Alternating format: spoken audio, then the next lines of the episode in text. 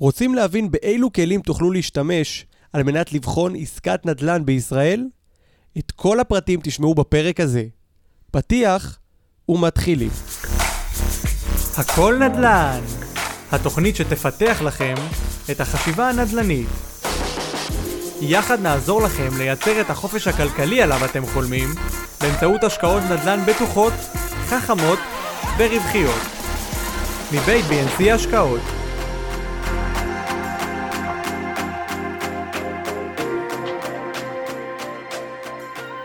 אז הערב נבחן אה, עסקאות הלכה למעשה פה בארץ. אני רוצה שתזכרו שאפשר לעשות עסקאות טובות בכל מקום, ואנחנו נראה היום כמה דוגמאות לדבר הזה, אה, ואנחנו נראה כמה דוגמאות לדבר הזה, ונראה מהם הכללים, בסדר? מהם הכללים, איך אתם בוחנים עסקה. אני אנסה לשזור בתוך השידור טיפים איך אה, לעשות בדיקה מהירה על עסקאות שמציעים לכם, זה לא תחליף לחקר שוק מקדים ומעמיק, זה מה שנקרא מסלול לעצלנים, אבל זה כן יכול לתת לכם מספיק כדי לדעת אם העסקה שמציעים לכם טובה או לא. אני אנסה לתת לכם את זה אה, תוך כדי השידור, נראה מהם חמשת כללי הברזל שלנו לעסקה מנצחת ונבחן אותם בעסקאות, אה, כמו שאמרתי, הלכה למעשה עסקאות אמיתיות. אז בעצם, ועל זה נרוץ מאוד מהר על הכללים, כי אני רוצה שנגיע לעסקאות כדי לראות איך זה בא לידי ביטוי בפועל. אבל למי שצפה בערב הראשון של האתגר, סיפרתי לכם איך אני התחלתי את דרכי בעולם הנדל"ן. אמרתי לכם שבהתחלה לא באמת האמנתי שיש דבר כזה אקזיטים ושאפשר לעשות עסקאות כאלה. סיפרתי לכם גם על העסקה הראשונה שלנו במשעול סוכות, 80 אלף שקל רווח נטו בכמה שבועות. אני לא בטוח שאפילו אחרי העסקה הראשונה עוד נפל לי האסימון, אלא רק אחרי זה קלטתי שזה הפך להיות כמו כדור שלג, שזה, לא רק שזה קיים, זה קיים בכל מקום, בכל מצב, זה גם לא איזה נוסחת קסם מיוחדת, אין פה איזה שהם קסמים, יש פה בסופו של דבר כללים אה, נכונים ובטוחים. וראיתם גם דוגמאות לא רק שלנו, בסדר? מי שצופה באתגר השבוע, ראיתם דוגמאות של אה, גביזון ושל רן רז ושל אה, משקיעים אחרים, ותראו הערב משקיעים נוספים. מה שחשוב לי שתדעו, למעלה מעשר שנים אנחנו בתחום הנדל"ן, ומעולם לא הפסדנו כסף בעסקה, כמובן להפך, הרבה יותר לא אנחנו ולא משקיעים שלנו, וזה בזכות משהו אחד, כללים מאוד ברורים. עכשיו זה לא, כמו שאמרתי, נוסחת קסם, אבל לכל דבר בחיים, כל דבר שאתם רוצים לעשות, יש סדר פעולות, יש דרך, יש uh, צורת עבודה, גם לכסף, גם לעסקאות נדל"ן. ואני רוצה לעבור איתכם במהרה, בצורה מהירה, על כללים, לתת לכם טיפים שיעזרו לכם ליישם אותם בעסקאות שלכם, בסדר? את אותם הכללים. ותכף תראו איך הכללים האלה, וזה המהות של הערב הזה, איך הכללים האלה באו לידי ביטוי בעסקאות שאנחנו אה, אה, ביצענו עם משקיעים שלנו. אז אנחנו נרוץ על הכללים מהר, ואז נגיע לחלק הארי והחשוב הערב, על איך הכללים האלה באים לידי ביטוי בעסקת נדל"ן, הלכה למעשה, אתם תראו אה, עסקאות ממש מהתקופה האחרונה. אז קודם כל, הכלל הראשון הוא קנייה מתחת למחיר שוק. שוב, אני מחבר אתכם למה אנחנו עושים הערב לכל מי שהצטרף, אני רואה שמספר הצופים פה עלה איפה שאני אה, אה, מסתכל. אז קודם כל אני מחבר אתכם למה שאנחנו עושים הערב, אנחנו ממשיכים את המרתון שהתחיל השבוע, אנחנו הערב, אחרי שלמדנו איזו השקעה מתאימה לכם, איך לבחור, ולבנות תוכנית השקעה, ולהסתכל קדימה, אנחנו הערב מדברים על פרקטיקה. מהם הכללים שאתם צריכים בעסקת נדל"ן במדינת ישראל לאקזיט או למניב. ואחרי זה נראה איך הכללים האלה באים לידי ביטוי בעסקאות אמיתיות הלכה למעשה, ואיך אתם מיישמים אותם בעסקאות שלכם. הכלל הראשון והחשוב ביותר, קנייה מתחת למחיר שוק. יש המון סיבות למה אנשים מוכרים בזול, בסדר? למה אנשים מוכרים מתחת למחיר השוק. דרך אגב זה לא קורה רק בנדל"ן, זה קורה בכל תחום אני חושב אפשרי שיש. אבל בנדל"ן זה יכול להיות אה, דרך כונס נכסים ודירות נטושות וירושות וגירושים ובעיות משפטיות ונכסים שיש בהם אתגרים שצריך לעבור, בעיות רישום ו, וכדומה. והכי חשוב זה תמיד מתחיל ונגמר מסיבת המכירה. למה המוכר מוכר? לכל דירה יש את המחיר ששווה לכם לרכוש, אתם צריכים להבין מה, למה המוכר מוכר ומתי לתת את ההצעה, איך לתת אותה, ולהיות שם במקום הנכון, ברגע הנכון ובזמן הנכון, וכדי שתדעו לזהות דירה מתחת למחיר שוק, צריך לעשות חקר שוק מעמיק. בסדר, יש חקר שוק מקדים, אנחנו לא נדבר על זה. הערב, יש המון תוכן איך לעשות חקר שוק, אבל אני רוצה לתת לכם איזשהו טיפ קטן כזה, משהו ככה אה, על הדרך שיכול לעשות אה, כמו שאמרתי לכם, חקר שוק לעצלנים, אתם יכולים ללכת ולבקר בדירות שנמכרו בשוק בשנה האחרונה. כל הכתובות חשופות, אתם יכולים לראות את זה ברשות המיסים, במדל"ן, לא חשוב איך, לכו ובקרו בכמה שיותר דירות שנמכרו. שתראו בעין מה נמכר ובכמה, יהיה לכם הרבה הרבה יותר קל להבין מה שווי שוק. כמה שווה דירת שלושה חדרים, משופצת, לא משופצת, מרועטת, לא מרועטת, מושכרת, לא מושכרת. אתם תוכלו לראות בעיניים את הדבר הכי טוב. כי מלהסתכל כמה מבקשים, או מלראות כמה נמכר, מבלי לדעת מה נמכר בפועל, לא תקבלו שום דבר. תזכרו, מלהסתכל ביד שתיים כמה מבקשים על דירות, לא ייתן לכם שום דבר. כלום, נאדה. מלהסתכל, אה, אה, מלהסתכל כמה, אה, בכמה כסף נמכרו דירות, אבל מבלי, אה, מבלי לדעת מה נמכר בפועל, מה נמכר בפועל, האם זה היה מושכר, האם זה היה משופץ, איזה דירת שלושה חדרים במקור שהפכו לארבעה או שלא הפכו לארבעה, לא תוכלו לדעת אם זה קנייה מתחת למחיר שוק או לא. אם תבקרו בדירות שנמכרו, תוכלו להגיע למדד שווי שוק הרבה הרבה הרבה יותר מהר. הכלל השני, ואני רץ על זה מהר כדי שנגיע לתכלס של הערב, הכלל השני, פוטנציאל השבחה. אנחנו רוצים לדעת שאנחנו עושים פעולה שתעלה את הערך, תשנה את השווי של הנכס, ובכך נגדיל את הרווחים בעסקה. זה יכול להיות אה, אה, הוספת חדר, דירת שלושה חדרים שהופכים אותה לארבעה, לא בנייה אלא שינוי המבנה הפנימי, זה יכול להיות השכרת דירה ריקה, בסדר? דירה ריקה ומושכרת בשוק של משקיעים לא שווה אותו דבר, זה יכול להיות הוספת ריהוט, החלפת סוחרים, זה יכול להיות המון המון דברים. ובאופן מפתיע, יש הרבה אנשים שעושים שיפוצים, השבחות כביכול בדירות, ולא רק שהם לא משנים את השווי של הנכס, הם אפילו לא יחזירו את העלות שיפוץ. למה? כי הם לא מתאימים, הם מסתכלים מהעיניים שלהם ולא מהעיניים של הסוחר או הקונה הפוטנציאלי שלהם. בסדר? ואז הם אה, חושבים, אתן דוגמה אה, בכוונה, אה, מה שנקרא, מופרכת, אבל שאם הם ישימו ברזים מזהב זה יעזור להם. זה לא יעזור. לכן, או שאם הם יחסכו כסף על ריהוט, אבל בשוק שהסוחרים הם חבר'ה צעירים בתחילת דרכם, ואין, לא יהיה ביקוש לדירה שלהם אם היא תהיה דירה ריקה, כי הסוחר יעדיף לשלם יותר אבל לקבל ריהוט ולא לקנות ריהוט, אז הם פשוט עושים טעות, ולכן פוטנציאל ההשבחה זה משהו שהוא מאוד מאוד חשוב, אנחנו רוצים לדעת שכל שקל שאנחנו שמים בהשבחה, בנכס עצמו, בסביבה שלו, בבניין, מכניס לי יותר כסף בשכירות ובמכירה. טיפ קטן ממני, רק לעכשיו, חפשו את הדירות הלא משופצות. א', יש פחות תחרות, הלא משופצות והריקות, יש פחות תחרות, בקנייה, ובמקביל יש להם פוטנציאל השבחה הרבה הרבה הרבה יותר טוב. בסדר? הכלל השלישי, שוב אני רץ מהר שנגיע לדוגמאות כי זה המהות של הערב ושם אני רוצה להתעכב קצת יותר אה, והבטחתי לכם לכל אורך המרתון הזה נשתדל אה, סביב החצי שעה שידור, בינתיים חרגנו בכל הערבים עד עכשיו. הכלל השלישי, תזרים חיובי. תזרים חיובי. אנחנו רוצים שבכל שלבי העסקה, ועוד מעט תראו כמה זה אה, אה, חשוב ואיך זה בא לידי ביטוי בעסקאות שלנו, עלות המינוף, המשכנתה, ההחזר החודשי של הקרן פלוס ריבית, כמה כסף שאתם משלמים, תהיה נמוכה מההכנסות משכירות. שוב, אני רוצה תזרים חיובי לכל אורך חיי העסקה. תזכרו את זה, בסדר? אני רוצה שההחזר של המשכנתה יהיה נמוך מהשכירות. מי מכם שהולך לרכוש נכס לנדל"ן מניב או לאקזיט, בתקופת השכירות הנכס חייב להכניס יותר מעלות המשכנתה, או ההלוואה או סך ההלוואות שלקחתם. כמה יותר? כמה שיותר, אבל לפחות 500 שקלים, ותכף תראו בדוגמאות בדיוק למה אני מתכוון. הכלל, ה, אה, אה, הכלל הרביעי הוא בעצם ביקוש גבוה. בסדר? אתם חייבים לדעת בתור משקיעים שיש ביקוש גבוה גם להשכרה וגם למכירה באזור שתחמתם להשקיע בו. בסדר? אתם לא רוצים להיתקע לא בהשכרה ולא במכירה אחרי שכבר הנכס שלכם. איך אתם עושים את זה? גם פה יש המון המון דרכים ועוד מעט תראו חלק הלכה למעשה בעסקאות, ניתן לכם דוגמאות איך לעשות את זה. יש הרבה מאוד דרכים לבדוק ביקושים וזה חלק מחקר שוק, אבל דרך מעניינת היא לבדוק גם בשוק, גם אם אתם רוצים לבדוק אה, ביקוש לשכירות וגם אם אתם רוצים לבדוק ביקוש למכירה, מה שאתם צריכים לעשות זה פשוט לפרסם הודעה וירטואלית להשכרה או למכירה. אם אתם הולכים לרכוש דירת שלושה חדרים באזור מסוים ואתם רוצים לדעת אם יש לה ביקוש לשכירות, בסדר? תפרסמו דירה להשכרה, או ביד שתיים או בקבוצות פייסבוק של אותו עיר, ותראו כמה פונים אליכם. תפרסמו עם תמונות משופצות אם אתם הולכים לשפץ, או אם אתם לא הולכים לגעת בדירה, אה, אה, תפרסמו עם תמונות לא, לא משופצות, תפרסמו במחיר שאתם רוצים, ותראו מה התגובות, מה הכמות, האם מישהו מתקשר, כן או לא, ואז תוכלו גם לבדוק ביקוש וגם לבדוק מחיר, האם אתם במקום נכון או לא. אותו דבר גם לגבי מכירה. תפרסמו מודעה, תראו את כמות הטלפונים וכמה אנשים פונים ובאיזה מחיר פרסמתם וככה תדעו אם אתם בשוק שיש בו ביקוש מנצח. עכשיו, ביקוש אה, גבוה לשכירות ולמכירה. הכלל האחרון הוא מיקום מנצח.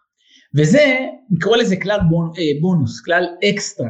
אפשר לעשות עסקה גם אם אתם לא יודעים איך לבדוק את הכלל הזה, אבל אנחנו כשאנחנו כבר בוחנים אזור, אנחנו מסתכלים עליו לטווח הארוך, גם אם זה לעסקאות אקזיט, אני רוצה לדעת שלטווח הארוך אני במקום שיש צפי לעליות ערך נכס, במקום שיש בו, אה, דרך אגב אם המקום הזה באמת יש בו צפי לעליות ערך נכס בנתונים שאני תכף הולך להגיד לכם, אתם תראו שזה גם בדרך כלל מקומות שיש בהם ביקוש לשכירויות.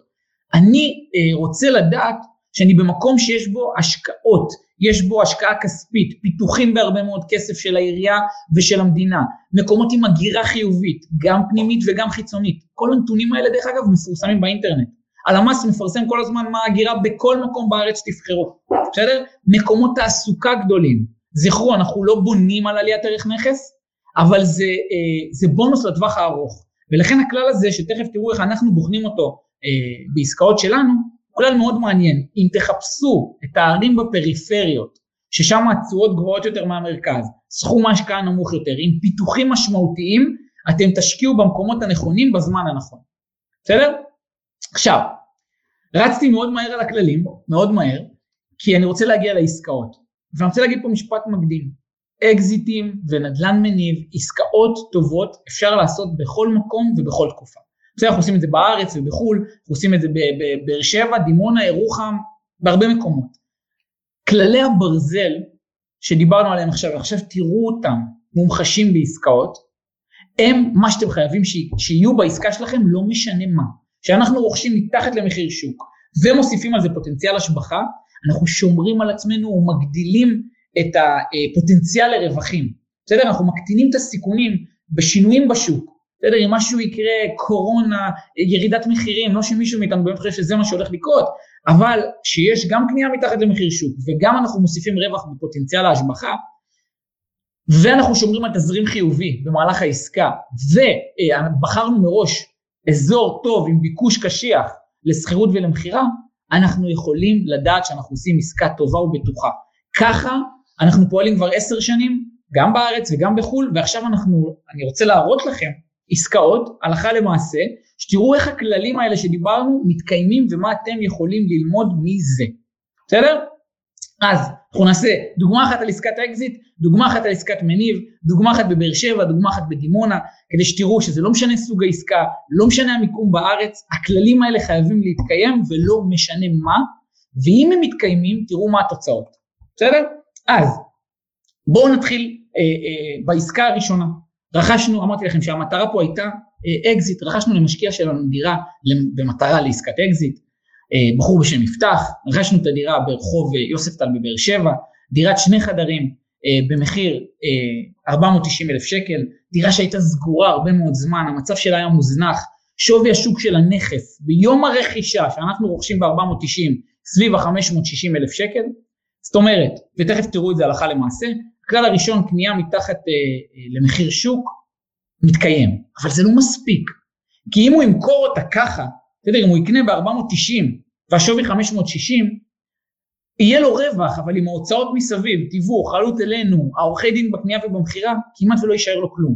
מהפער הזה של, אה, אה, של בערך 60 אלף שקל, סדר גודל, 60-70 אה, אלף שקל, שהוא קנה מתחת למחיר שוק ביום הרכישה, אם תוסיפו על זה את העלויות, לא יישאר הרבה רווח, יישאר 30 אלף שקלים. אז לפני שאנחנו מתקדמים, אה, אה, לפני שאנחנו מתקדמים כדי לראות איך כן מוציאים מעסקה כזאת עסקת אקזיט, כי אנחנו רוכשים מתחת למחיר שוק, אבל עם פוטנציאל ההשבחה אנחנו נשפר את הרווחים, אני רוצה לתת לכם טיפ קטן, חפשו דווקא את הדירות הנטושות, הדירות הריקות, הדירות המוזנחות. יש יותר לחץ לבעלים שמחזיקים דירה ריקה וכמות המתחרים שלכם קטנה בהרבה. עכשיו, איך נראתה העסקה? רכשנו כמו שאמרתי לכם ב-490 אלף שקל, שיפצנו את הדירה, בסדר? פוטנציאל ההשבחה, תכף אני אראה לכם איך. הפכנו את הדירה לדירת שלושה חדרים, אה, סך ההוצאות הנלוות כולל הכל, ריביות, עורכי דין, תיווך, השבחה, כל ההוצאות עד השקל האחרון, סך כל העסקה 630 אלף שקל, זה העלות, ש, אה, אה, העלות הכוללת שישבה על יפתח. בסדר? בעצם הדירה, אחרי כל ההוצאות גם מכירה, ישבה עליו כ-630 אלף שקל. יפתח החליט, החליט להחזיק את הדירה 18 חודשים כדי ליהנות מפטור מס שבח, ובסוף מכר אותה, שהוא עשה רווח של 81 אלף שקל, כמעט 82, נטו. תשואה על ההון העצמי המושקעת בעסקה, 28 אחוז וחצי. בסדר? אחרי כל המיסים, אחרי כל ההוצאות. מה חשוב לי שתראו עד לפה? זאת לא עסקת, מי שבמרתון דרך אגב, אתם רואים, זה לא משהו יוצא דופן. בסדר? אותם המספרים, אותו אחוזי התשואה על ההון העצמי. וחשוב לי שתראו, הוא השקיע, אה, אה, על ההון העצמי שהוא השקיע הוא עשה 28 אחוזים אה, רווח בשנה וחצי. והדרך הטובה ביותר לדעת שרכשנו מתחת למחיר שוק ועשינו עסקה טובה בהשבחה, היא מאוד פשוטה, בזה שבסוף הרווחנו את הסכום המטורף הזה, למעלה מ-80 אלף שקל נטו, נטו. ואם אנחנו רגע עוברים לכלל השני, אז הכלל הראשון קנייה מתחת למחיר שוק, קרה. בואו רגע נתעכב על הכלל השני שאמרנו שהוא פוטנציאל ההשבחה, אתם זוכרים? בעצם מה עשינו פה? שינינו שווי שוק, לקחנו דירת שני חדרים והפכנו אותה לדירת שלושה חדרים. ולא רק זה, ששיפצנו אותה, עשינו בכל חדר שירותים מקלחת פרטיים. למה לתת את הפרטיות, הסוחרים שם זה שותפים, וככה בעצם אנחנו מגיעים למקסימום פוטנציאל שכירות. בעצם התאמנו את הדירה לאוכלוסיית היעד בצורה הטובה ביותר, לשותפים. וככה הגענו במקסי, במינימום עלות השבחה למקסימום תוצאות, ולא רק זה, חשוב לי שתראו, בסדר?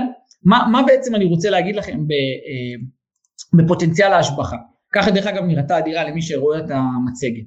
שאנחנו מביאים מוצר מעל מחיר, מעל המתחרים בשוק, בסדר? מעל שאר הדירות. קל לי למכור אותו הכי מהר, קל לי להשכיר אותו הכי מהר, וקל לי לקבל מקסימום שכירות. יש פה המון מחשבה על ה home styling, איך אנחנו עושים במינימום עלות, נראות הכי גבוהה שאפשר. ובזה, בסדר? ובזה אני רוצה לחדד לכם משהו סופר חשוב בזמן שאתם רואים את התמונות האלה של הדירה. אם יפתח, כמו שאמרתי, היה רוכש את הדירה ומוכר אותה בלי השבחה. הוא רכש ב-490, יכל למכור ב-550 סדר גודל, בוא נגיד יש לו פה 60 אלף שקל רווח על הנייר. אבל, ויש פה אבל גדול, אם היינו מורידים את ההוצאות, בסדר, תיווך, אה, עורכי דין, קנייה ומכירה וכולי, זה היה יורד מ-60 ל-30 אלף שקל בערך. רווח נחמד, אבל לא בשביל זה הוא נכנס לעסקה, וזה לא הצעות שאנחנו יודעים לעשות. בעזרת הכלל השני שמתווסף לכלל הראשון, השבחה חכמה, פתאום, פתאום יש פה אחרי שכל ההוצאות של העסקה בפנים, יש פה כבר אקזיט. 18 חודשים, 28% תשואה להון העצמי בשנה וחצי. רק ככה אפשר להרוויח למעלה מ-80 אלף שקל בעסקה נטו. בסדר? ועוד משהו אחד קטן. זה שאנחנו מביאים את המוצר למצב כזה, יחסית בהוצאות קטנות, אנחנו מגיעים למקסימום תוצאות, ה home styling בדירה מביא אותנו להשכרה מאוד מאוד מאוד מהירה וטובה וגם במכירה, בסדר? כי אנחנו מעל המוצרים האחרים בשוק. שבא משקיע ומסתכל על דירה כזאת וכזאת, עדיף לו לרכוש את שלי, אני לא מנסה למכור מעל מחיר שוק, אני מוכר במחיר השוק, אבל אני פשוט יותר טוב מהמתחרים. והכלל השלישי, זה מה שמביא אותי לכלל השלישי והחשוב ביותר, ותסתכלו איזה יופי זה בא פה לידי ביטוי. מה אמרנו חברים? אמרנו שאנחנו רוצים, מה אנחנו רוצים? שההחזר משכנתה תמיד יהיה נמוך מהשכירות המתקבלת במהלך הדרך, נכון? ליפתח הייתה משכנתה של בערך 350 אלף שקלים. ההחזר על המשכנתה שלו היה כ-1,500 שקלים. בוא נגיד 1,600, נגיע למעלה, בסדר? 1,550 בערך, 1,600 שקלים.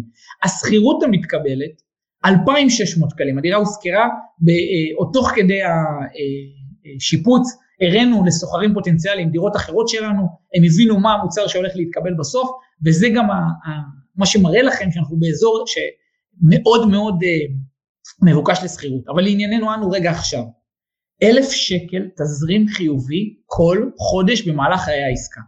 שיפתח יכול לעשות איתם מה שהוא רוצה, לחסוך אותם, להשתמש בהם, אה, לצאת איתם לחופשה אחרי זה, מה שבא לו. תזכרו למי שאיתנו במרתון, דיברנו על רמת החיים.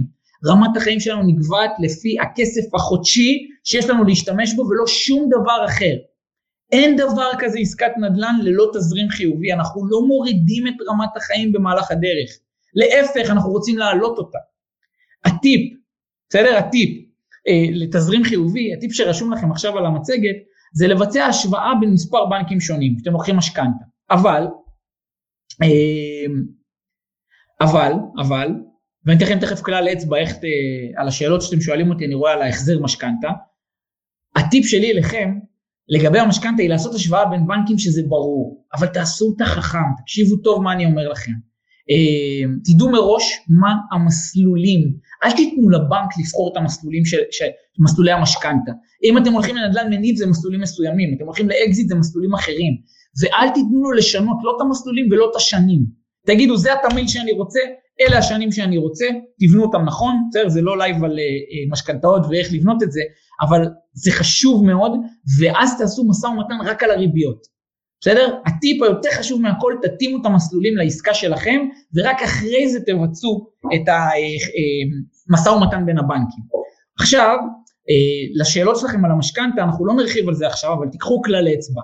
על כל 100 אלף שקל שתיקחו מהבנק, אם תיקחו משכנתה נכונה, תשלמו בחודש 450 אלף שקלים בערך, בממוצע. בסדר, אפשר לשחק עם זה, אפשר יותר, אפשר פחות, אפשר לדאוג להרבה מאוד דברים, אבל זה איזשהו כלל אצבע ממני אליכם.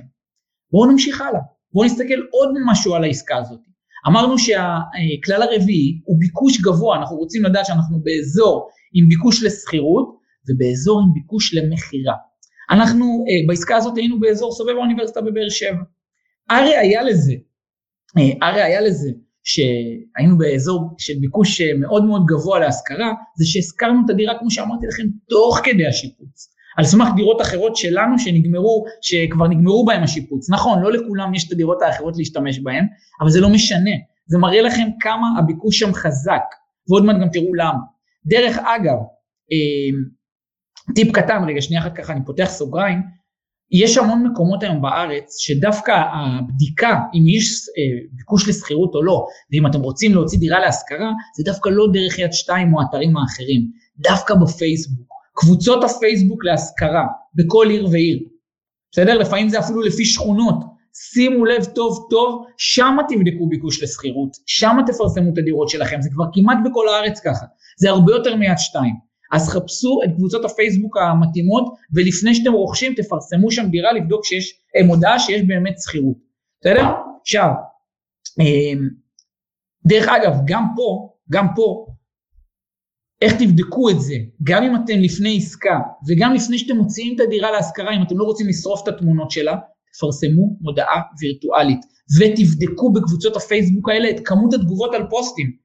אם אתם נכנסים לקבוצה בשכונה מסוימת או עיר מסוימת, ואתם רואים מודעות באותו אזור שאתם רוצים לרכוש, אבל אין תגובות על המודעות להשכרה, או על המודעה שאתם פרסמתם, אז או שזה מחיר גבוה מדי, או שזה אזור שאין בו באמת ביקוש קשיח לשכירות, בסדר?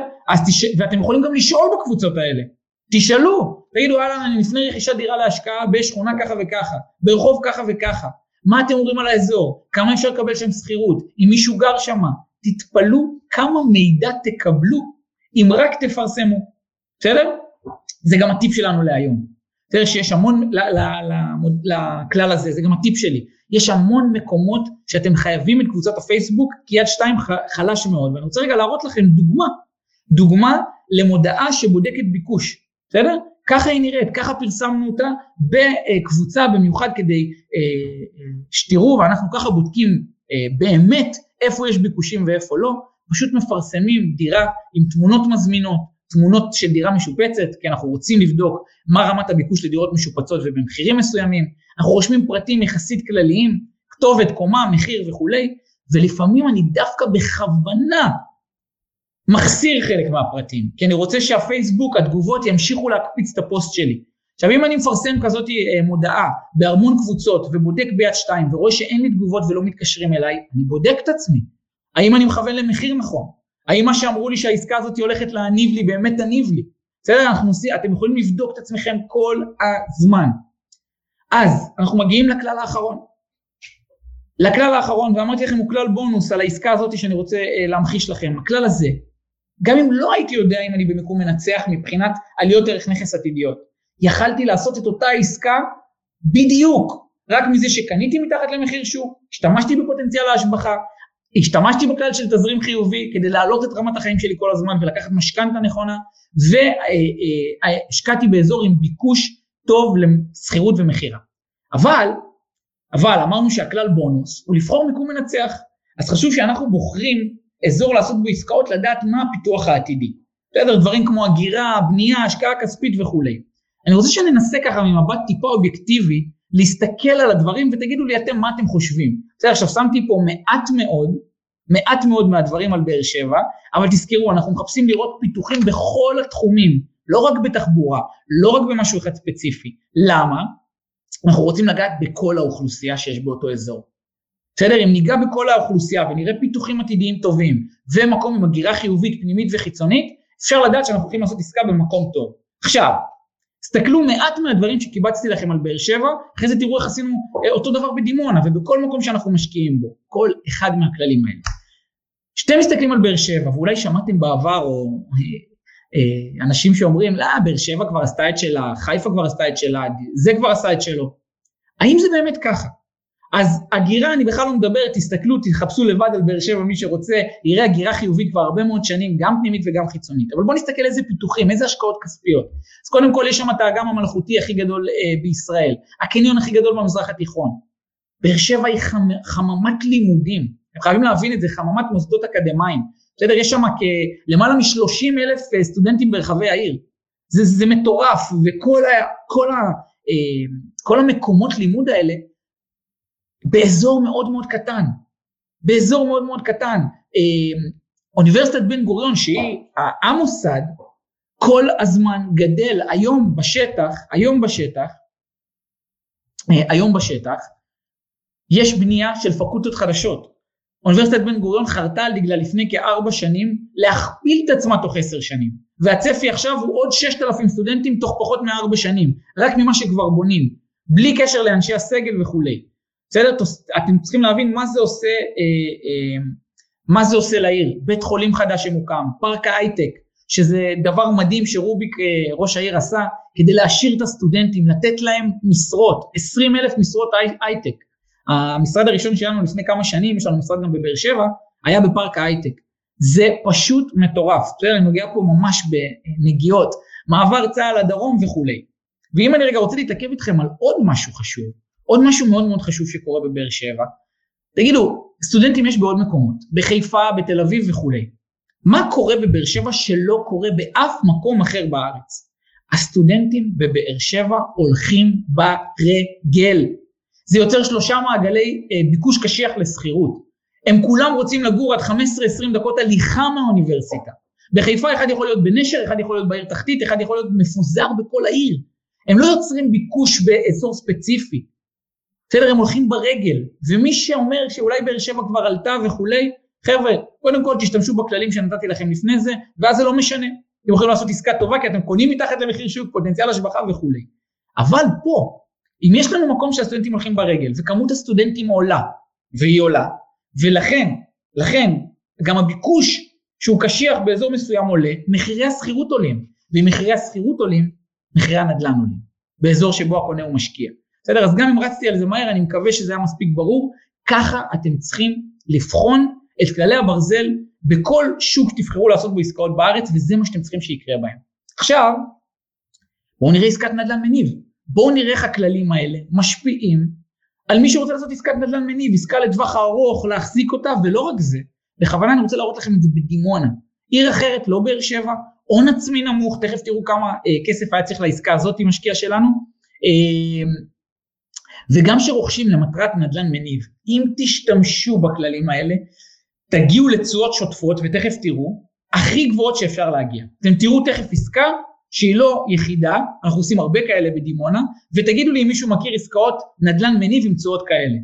וזכרו, לא משנה באיזה עיר, בכל מקום אפשר לעשות עסקת נדל"ן טובה, אם תשתמשו בכללים האלה. אז בואו נתחיל, עסקת נדל"ן מניב, גם את זה אני רוצה רגע, אה, נרוץ על זה טיפה יותר מהר אה, אה, מבאר שבע, כי אתם כבר מבינים את הקונספט. אז קודם כל רכשנו למשקיע שלנו, למשקיע בשם, משקיע בשם אבי, דירה ברחוב מתתיהו הכהן בדימונה, 275 אלף שקל, רכישה מתחת למחיר השוק. אני כבר מקווה שאתם מאמינים לי ותכף תראו גם את התשואות בסוף, אז תבינו שזה מתחת למחיר שוק. ואני אומר לכם שפה זה רכישה של בערך עשרה אחוז ככה במצב הנוכחי של העסקה. הכלל השני, פוטנציאל ההשבחה. הוצאנו פה עוד כ-130 אלף שקל על כל ההוצאות של הבית, שיפוץ, ריהוט, ליווי וכולי, סך ההוצאות לעסקה 405 אלף שקל. דרך אגב, ההון העצמי שצריך לכזאת עסקה, כ-200 אלף שקלים. 130 אלף שקלים הוצאות נלוות, בערך עוד 70-80 אלף שקל לרכישת הבית. אני רוצה שתבינו, גם פה, מה עשינו בפוטנציאל ההשבחה? אנחנו יודעים מי קהל היעד שלנו. חבר'ה צעירים, זוגות צעירים בתחילת דרכם. אנחנו יודעים שהם חייבים ריהוט. התמונות קצת שונות פה מבאר שבע, כי זה לא שותפים. אין לי פה למה לעשות שירותים מקלחת בכל חדר, אבל יש לי דברים שאני כן חייב לעשות. מיטה זוגית, שידות ליד המיטה וכולי, כדי להגיע במינימום עלות, אבל למקסימום אה, שכירות. איך אנחנו עושים את זה? תזכרו תמיד, אנחנו לוקחים את הדירות, שואלים את עצמנו מי הסוחר, מי הקונה, ומתאימים אותם לאוכלוסיית היעד. בסדר? ככה מגיעים למקסימום שכירות. עכשיו, שימו לב לעסקה המטורפת הזאת. הכלל השלישי שלנו, אמרנו תמיד תזרים חיובי, בסדר? תראו את הדבר הזה, השכירות בנכס הזה 2,500 שקל, מושכר פחות משבועיים מהרגע שסיימנו את השיפוץ, עוד לפני שה home styling נגמר הדירה כבר הושכרה, ב-2,500 שקל, העלות של משכנתה, בסדר? כ-900 שקלים בחודש, החזר המשכנתה החודשי, בסדר? צריך 200 אלף שקל, יש פה בערך עוד 200 אלף שקל אה, משכנתה, 200 אלף שקל אה, הון עצמי, 200 אלף שקל משכנתה, 900 אלף שקלים החזר משכנתה, תזרים חודשי חיובי של 1,600 שקל, 1,600 שקל על השקעה של 200 אלף שקל הון עצמי. כל זה קרה בזכות מה? קנייה מתחת למחיר שוק, פוטנציאל השבחה נכון, תזרים חיובי, לקיחת משכנתה נכונה באזור עם ביקוש גבוה לשכירות, אם מתאימים את הדירה בצורה נכונה. בסדר? סיכום רגע עד לכאן לפני שאני עובר לכלל בונוס שלנו. תראו את הדבר ה, באמת אני, המטורף הזה. מה הסיכום של העסקה הזאת? מישהו משקיע עם 200 אלף שקל בליווי שלנו, עושה מעל 7% על סך העסקה, כלומר על 405 אלף שקל ו-2,500 שקל שכירות, 2,500 כפול 12 חלקי 405 אלף שקל, 7.4 אחוז, אבל תזכרו מה לימדנו אתכם במרתון, אנחנו בודקים תשואה על ההון העצמי. 11.4 אחרי כל ההוצאות כולל הוצאות מימון. אני לא יודע איפה יש הרבה אנשים במדינת ישראל שיודעים לעשות עסקאות כאלה, בטח ובטח הון עצמי כל כך נמוך. חברים, זה מטורף, בסדר? אז הראיתי לכם את הכללים בעסקת אקזיט. עכשיו אנחנו בנדל"ן מניב, אין פה מטרה למכור את הנכס. אם הוא ימכור אותו הוא ירוויח כסף גם במכירה. רק מהתשואה השוטפת הוא עושה 11.4% תשואה על ההון העצמי שלו, אחרי כל ההוצאות. ועוד פעם, בואו נראה רגע, רגע, גם פה נרוץ על זה מהר. הכלל החמישי, אתם זוכרים מיקום מנצח. בסדר? אפשר לעשות עסקה מנצחת גם בלי זה, אבל אנחנו רוצים לדעת לאיפה העיר הולכת. אנחנו רוצים לדעת אם אנחנו במקום נכון לטווח הארוך כן או לא, בטח בנדל"ן מניב זה כלל מאוד מאוד חשוב. אז שוב, קיבצתי לכם פה מספר דברים אה, אה, ככה נגיעות, נגיעות על דימונה, בסדר? קודם כל מבחינת תעסוקה, ומי שיבדוק את ההגירה יראה שההגירה פנימית וחיצונית חיוביים בעיר כבר כמה שנים. איך זה קורה?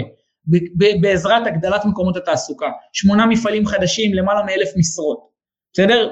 בנוסף למשרות שכבר יש מסביב, תרבות ופנאי, מאוד מאוד חשוב לבדוק גם את זה, האם משקיעים בזה כן או לא, קאנטרי חדש, תיאטרון חדש, אמפי, אמפי חדש וכולי. העיר נותנת מלגות לסטודנטים שלומדים בעיר כדי שהם יחזרו ויחזקו את העיר, שלוש וחצי מיליון שקל. היא, היא הולכת להקים אה, אה, אה, אה, שלוחה של אוניברסיטת בן גוריון לסייבר בדימונה, בדימונה, בסדר? עיר הבה"דים מאוד מאוד משפיעה עליה. היא חתומה על הסכמי גג למעלה מ-30 אלף יחידות דיור בעשור הקרוב. שיפור התחבורה, הטבות מס מרחיקות לכת שרק בגלל זה אנשים רוצים לבוא לשם. חבר'ה, באמת, עיר מדהימה. תזכרו, יש כללים שאנחנו רוצים לבדוק, כללים שאנחנו רוצים שיתקיימו. מה ראינו עד עכשיו? ראינו איך הכללים האלה, חמשת הכללי הברזל שלנו באים לידי ביטוי גם בעסקת אקזיט וגם בעסקת מניב. איך זה נראה? מי שרצה מניב אקזיט, תשואות, אה, אה, תשואות שאנחנו יודעים לספק למעלה מ-25% על ההון העצמי בין 18 ל-24 חודשים. בסדר? בין, אה, אה, בין 18 ל-24 חודשים, לפעמים גם פחות. נדל"ן מניב, אצלנו על ההון העצמי אנחנו רוצים להגיע ללמעלה מעשרה אחוזים, הראינו לכם, הראיתי לכם עכשיו עסקה של 11 אחוזים. כל מי שרוצה דרך אגב לבוא, לקבל ליווי שלנו יד ביד, אנחנו נהיה אלה שמלווים אותו לעסקה שלו, הופכים לו את העסקה לעסקה פסיבית לחלוטין, אף אחד מהמשקיעים האלה לא עשה שום דבר בתהליך, אנחנו עם הצוות שלנו, אה, אה, למעלה מ-30 עובדים רק בעיר באר שבע, זה מה שאנחנו יודעים לתת, זה מה שאנחנו יודעים לעשות וככה זה נראה, בסדר? ולכל השאלות ששאלתם אותי תוך כדי, לכל השאלות ששאלתם אותי תוך כדי, איזה ערים בצפון כדאי להשקיע שאלתם אותי, ומה בקשר לשדרות ומה בקשר לעוד הרבה מקומות, אה, ואם אנחנו עובדים באשקלון וכולי, חבר'ה, אמרתי לכם, עסקת נדל"ן נכונה, אקזיט ומניב אפשר לעשות בכל שוק. מה צריך לעשות? לקנות מתחת למחיר שוק, להכיר את קהל, את קהל היעד כדי לבצע פוטנציאל השבחה נכון וחכם, לדאוג שהעסקה שלנו היא עם תזרים חיובי, בסדר? ולבדוק שאנחנו בשכונה בתוך אותה עיר עם ביקוש גבוה לשכירות, סלש למכירה או גם וגם. בסדר? זה אם אנחנו מוכרים דירה למשקיעים. ולכן אני לא מכיר את אשקלון, לא מכיר את שדרות, uh, יש לנו את המקומות שאנחנו מתעסקים בהם. ומי שרוצה להשקיע, זה לא משנה לו איפה הכסף שלו יושב, אם זה בדימונה או באר שבע או רמת גן.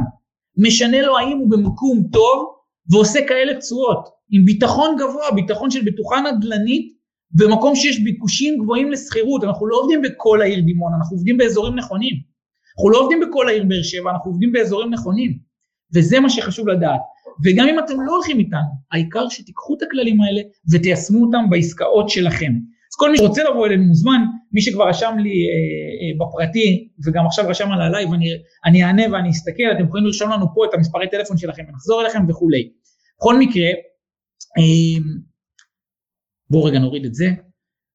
אנחנו ככה לקראת סיום של הערב השלישי, מחר אה, כמובן אין שידור כמו שאמרנו לכם בהתחלה, השידורים הבאים הם בחמישי ומוצאי שבת, איך להשקיע החל מ-100 אלף שקלים, פתרון מדהים לכל אלה שיש להם 100 עד 200 אלף שקל, אה, פתרון מדהים לכל מי שלא יכול לקחת מינוף, כל העסקאות האלה בארץ דורשות משכנתה, מי שלא יכול או לא רוצה, אנחנו נראה לכם איך עושים עסקת נדל"ן ונהנים ממינוף מבלי שאתם לקחתם אותו.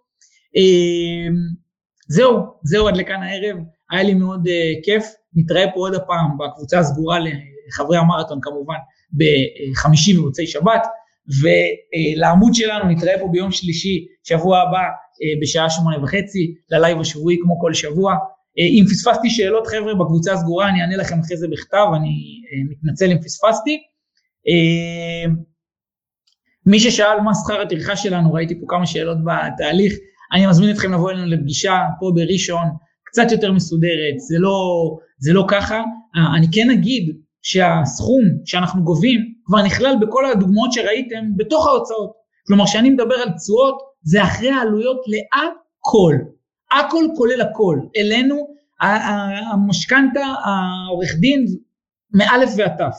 בסדר? תזכרו מה ראינו היום. כללים טובים, כללי ברזל נכונים, לא נוסחאות קסם, אבל עבודה נכונה, 28% תשואה על ההון העצמי ב-18 חודשים בעסקת אקזיט, 11% על ההון העצמי בנדל"ן אה, אה, אה, מניב, סך הכל עם 200 אלף שקל הון עצמי. אז עוד פעם, כל השאלות עלינו, מה אנחנו נותנים, איך זה עובד, חבר'ה, מי שעדיין לא מכיר אותנו, בואו פשוט לפגישה ונענה לכם פה על הכל. אה, תודה רבה, נתראה פה להמשך המרתון בחמישי ומוצאי שבת, לילה טוב. נהנתם? תוכלו לשמוע את כל הפרקים בספוטיפיי, אפל מיוזיק וגוגל פודקאסט. אל תשכחו לעשות לנו לייק בפייסבוק, BNC יזמות והשקעות נדל"ן, ובאינסטגרם, BNC קו תחתון investments. להתראות בפרק הבא.